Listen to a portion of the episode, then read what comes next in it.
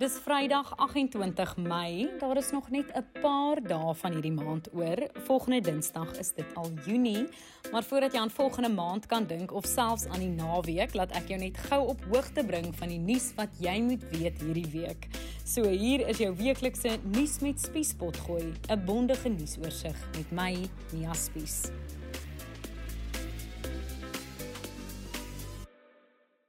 Almal wil natuurlik weet wanneer die president weer gaan praat. Die antwoord in kort is binnekort klink dit my.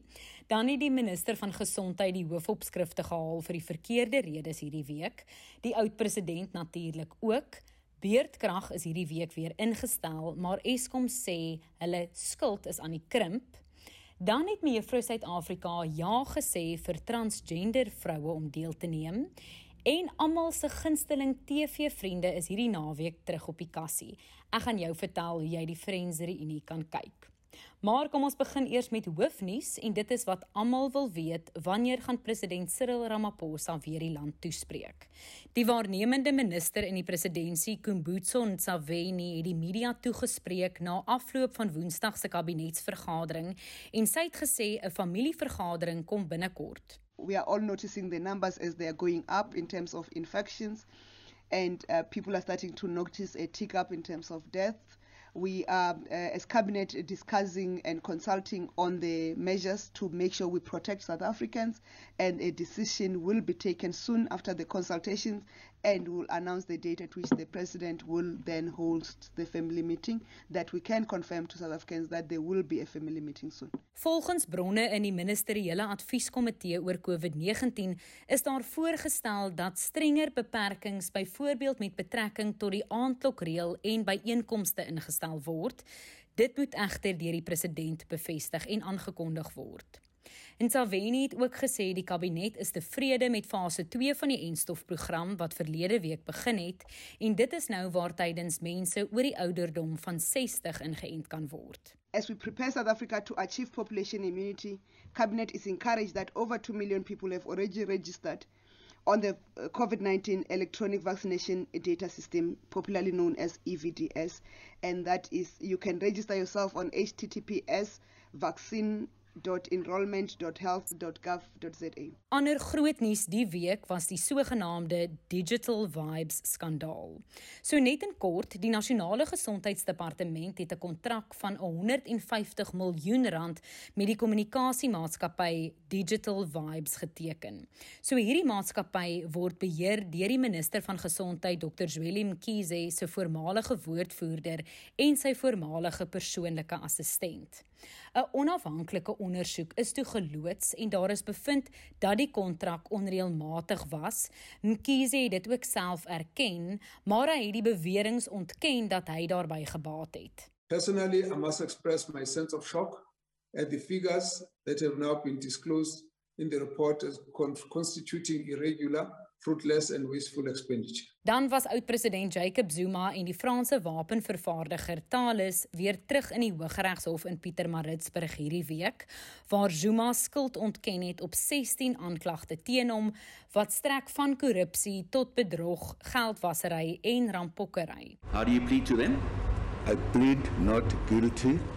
Regter Piet Koen het die saak uitgestel tot 19 Julie nadat Zuma se regspan aansoek gedoen het om 'n spesiale pleit by die hof in te dien. The matter is adjourned and uh, the two accused are warned to appear again before this court on the 19th 19 of July 2021 for the adjudication of the plea that has been raised by the first accused Intussen het die konstitusionele hof ook hierdie week Zuma se aansoek om te appeleer teen 'n kostebevel van die hand gewys. So Zuma het aansoek by die konstitusionele hof gedoen teen 'n hofbevel dat hy nagenoeg 10 miljoen rand se regskoste moet terugbetaal en die saak hou verband met Zuma se mislukte poging in 2017 om die bevindinge van die destydse openbare beskermer Thuli Madonsela oor haar staatskaping verslag tersyde te stel. Ek het vir die politieke ontleder Melanie Verwoerd gevra wat hierdie jongste verwikkelinge vir Zuma beteken. Die hofuitspraak teen Jacob Zuma as ook die uitstel van die korrupsiesaak veroorsaak beslis dat die Zuma-kamp in die ANC toenemend momentum verloor. Die vrywillige terugstaan van onder andere Mduduzi Manana en Eni Khalid en Mike Maboyakulu, die adjunkvoorsitter van die ANC in KwaZulu-Natal, as ook hulle verklaringe ten gunste van die ANC se posisie in die Magashule saak is 'n verdere teken van 'n dramatiese verswakking in die anti-Ramaphosa kamp. Dan was daar ook weer baie aksie buite die hof waar Zuma verskyn het en dit is omdat die geskorste ANC sekretaris-generaal Ysmagashule en ander soos die premier van KwaZulu-Natal, Sihle Zikalala en die voormalige minister van binnelandse sake, Malusi Gigaba, in byeengekom het om Zuma te ondersteun. Joernaliste het veral vir Magashule gepeper met vrae toe hy by die hof aankom. Leave ANC processes. Don't be patient, guys. Are you not apologizing to the ANC? Are you continuing with your your court matter? See, I'm fine. Yeah. I'm floating today like a butterfly. So you will never apologize about anything happening, any comeuppance against you. Leave processes. Be patient. Magashule het natuurlik sy skorsingsvoorwaardes verbreek deur die skare by die hof toe te spreek. Die ANC se nasionale werkskomitee het gesê Magashule se gedrag word ondersoek en die adjunksekretaris-generaal Jessie Duarte wat tans in Magashule se plek waarneem, het hierdie week gesê aanbevelings sal aan die party se komitee gemaak word. In ander nuus het die ANC hierdie week buite die Israeliese ambassade in Pretoria in solidariteit met die Palestynë betoog en hulle het gesê die party gaan meer druk op die Israeliese regering uitoefen om Palestynë se grond terug te gee. Duarte het die skare toegespreek en onder meer versoek dat die Israeliese ambassade in Linwood gesluit moet word. This embassy must close. Yeah! Go home. Go home. Go and talk about what you are doing wrong. Invite us. We will come and talk to you and help you to bring about peace in the in the in the both Israel and between yourselves and the Palestinians. But please go home. Nou na die Zondo-kommissie van ondersoek na staatskaping waar president Cyril Ramaphosa volgende week sou getuig het in sy hoedanigheid as president van die land, hy het reeds in sy hoedanigheid as ANC president getuig, maar nou die kommissie laat hoor dat president Cyril Ramaphosa nie meer maandag en dinsdag gaan getuig nie. Die president sal nou eers op 'n latere stadium in Junie getuig. Ons bly by die kommissie waar die voormalige voorsitter van die Suid-Afrikaanse Lugdiens, Dudu Mjeni, ook hierdie week verskyn het. Dit is eers nadat sy aanvanklik nie opgedaag het nie en nadat Zondo beveel het dat Mjeni strafregtelik aangekla moet word. Toe Mjeni uiteindelik opgedaag het om virtueel te getuig, het sy eerstens aangedring om in Zulu te getuig. Dit kon nie gebeur nie omdat 'n tolk nie gereël was nie. Um, sy het ook gesê sy word geteiken as gevolg van haar bande met oud-president Jacob Zuma en sy het ook beweringe van persoonlike belange in Eskom aangeleenthede ontken. I'm going to be very clear. I was never in any um board of Eskom. I had no interest at Eskom. The person who had problems at Eskom is Mr. Zoti. Ons bly by Eskom. Beerdkrag is natuurlik hierdie week ingestel, maar daar is lig aan die einde van die tonnel. Dinsdag het die minister van openbare ondernemings, Pravin Gordhan, gesê Eskom skuld nou net meer as 401 miljard rand teenoor 484 miljard rand wat dit voorheen geskuld het. The management of Eskom's debt is one of the key priorities to return the entity onto a sustainable path. The entity is continuing to implement its cost reduction initiative with a saving of 13.5 billion rands achieved in 2021 financial year. Most notably was the 83 billion rand reduction in debt in the 2021 financial year from 484 billion rands to 401 billion rands due to the repayment of the maturing debt and changes in the exchange rate. Dan het die omstrede etolstelsel ook weer die nuus gehaal hierdie week en dit is nadat die ALR vir vervoer in Gauteng, Jacob Mamabolo aangekondig het dat daar besluit is om die provinsiale etolstelsel te skrap. Die regering sê egter dat geen besluit nog op 'n nasionale regeringsvlak geneem is oor of die etolstelsel in Gauteng geskraap gaan word of nie.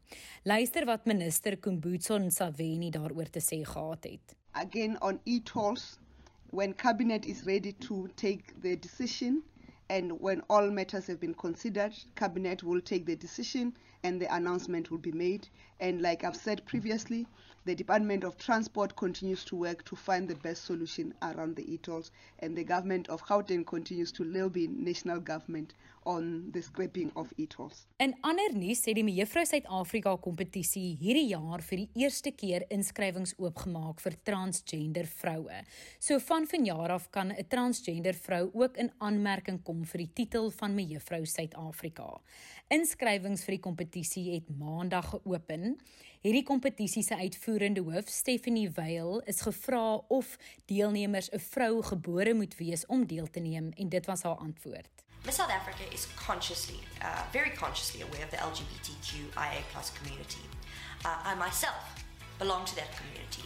For me, uh, transitioning is a huge, huge undertaking, and um, we are so supportive of any trans member of the LGBTQ community, and we would embrace uh, a member to be part of our journey this year. As per international requirements, we do require that you hold a South African ID document that has your gender as female. En laastens, 'n wysie wat ons almal ken, gaan weer hierdie naweek regstreeks op televisies wêreldwyd gehoor word. Die langverwagte reunieprogram van die gewilde Amerikaanse reeks Friends sal uiteindelik hierdie naweek te sien wees. Na 12 jaar gaan Rachel, Ross, Monica, Chandler, Joey en Phoebe weer op die kassie te sien wees. So hier in Suid-Afrika sal dit Sondag aand 8uur op Mnet uitgesaai word en daarna sal dit ook op Showmax beskikbaar wees. Here we go. Where's the tissue box? Cast of friends. Nou dat jy weet wat aangaan in die wêreld om jou, deel asseblief hierdie potgooi met ander mense op Facebook of Twitter of selfs op WhatsApp. Kopie net die link in hierdie plasing en deel dit in al daai groepe, veral die groepe wat gewoonlik fopnuus versprei. Gesels ook met my by mia@nuusmetspies.com. Nuus met Spies is 'n produksie in samewerking met die Potgooi Produksiehuis Volume. Ons vervaardigers is Roland Perolt en Andy Siwe May en ons kenwysie is deur Curtis Kul gekomponeer. Lekker naweek hou. Ons praat weer volgende Vrydag.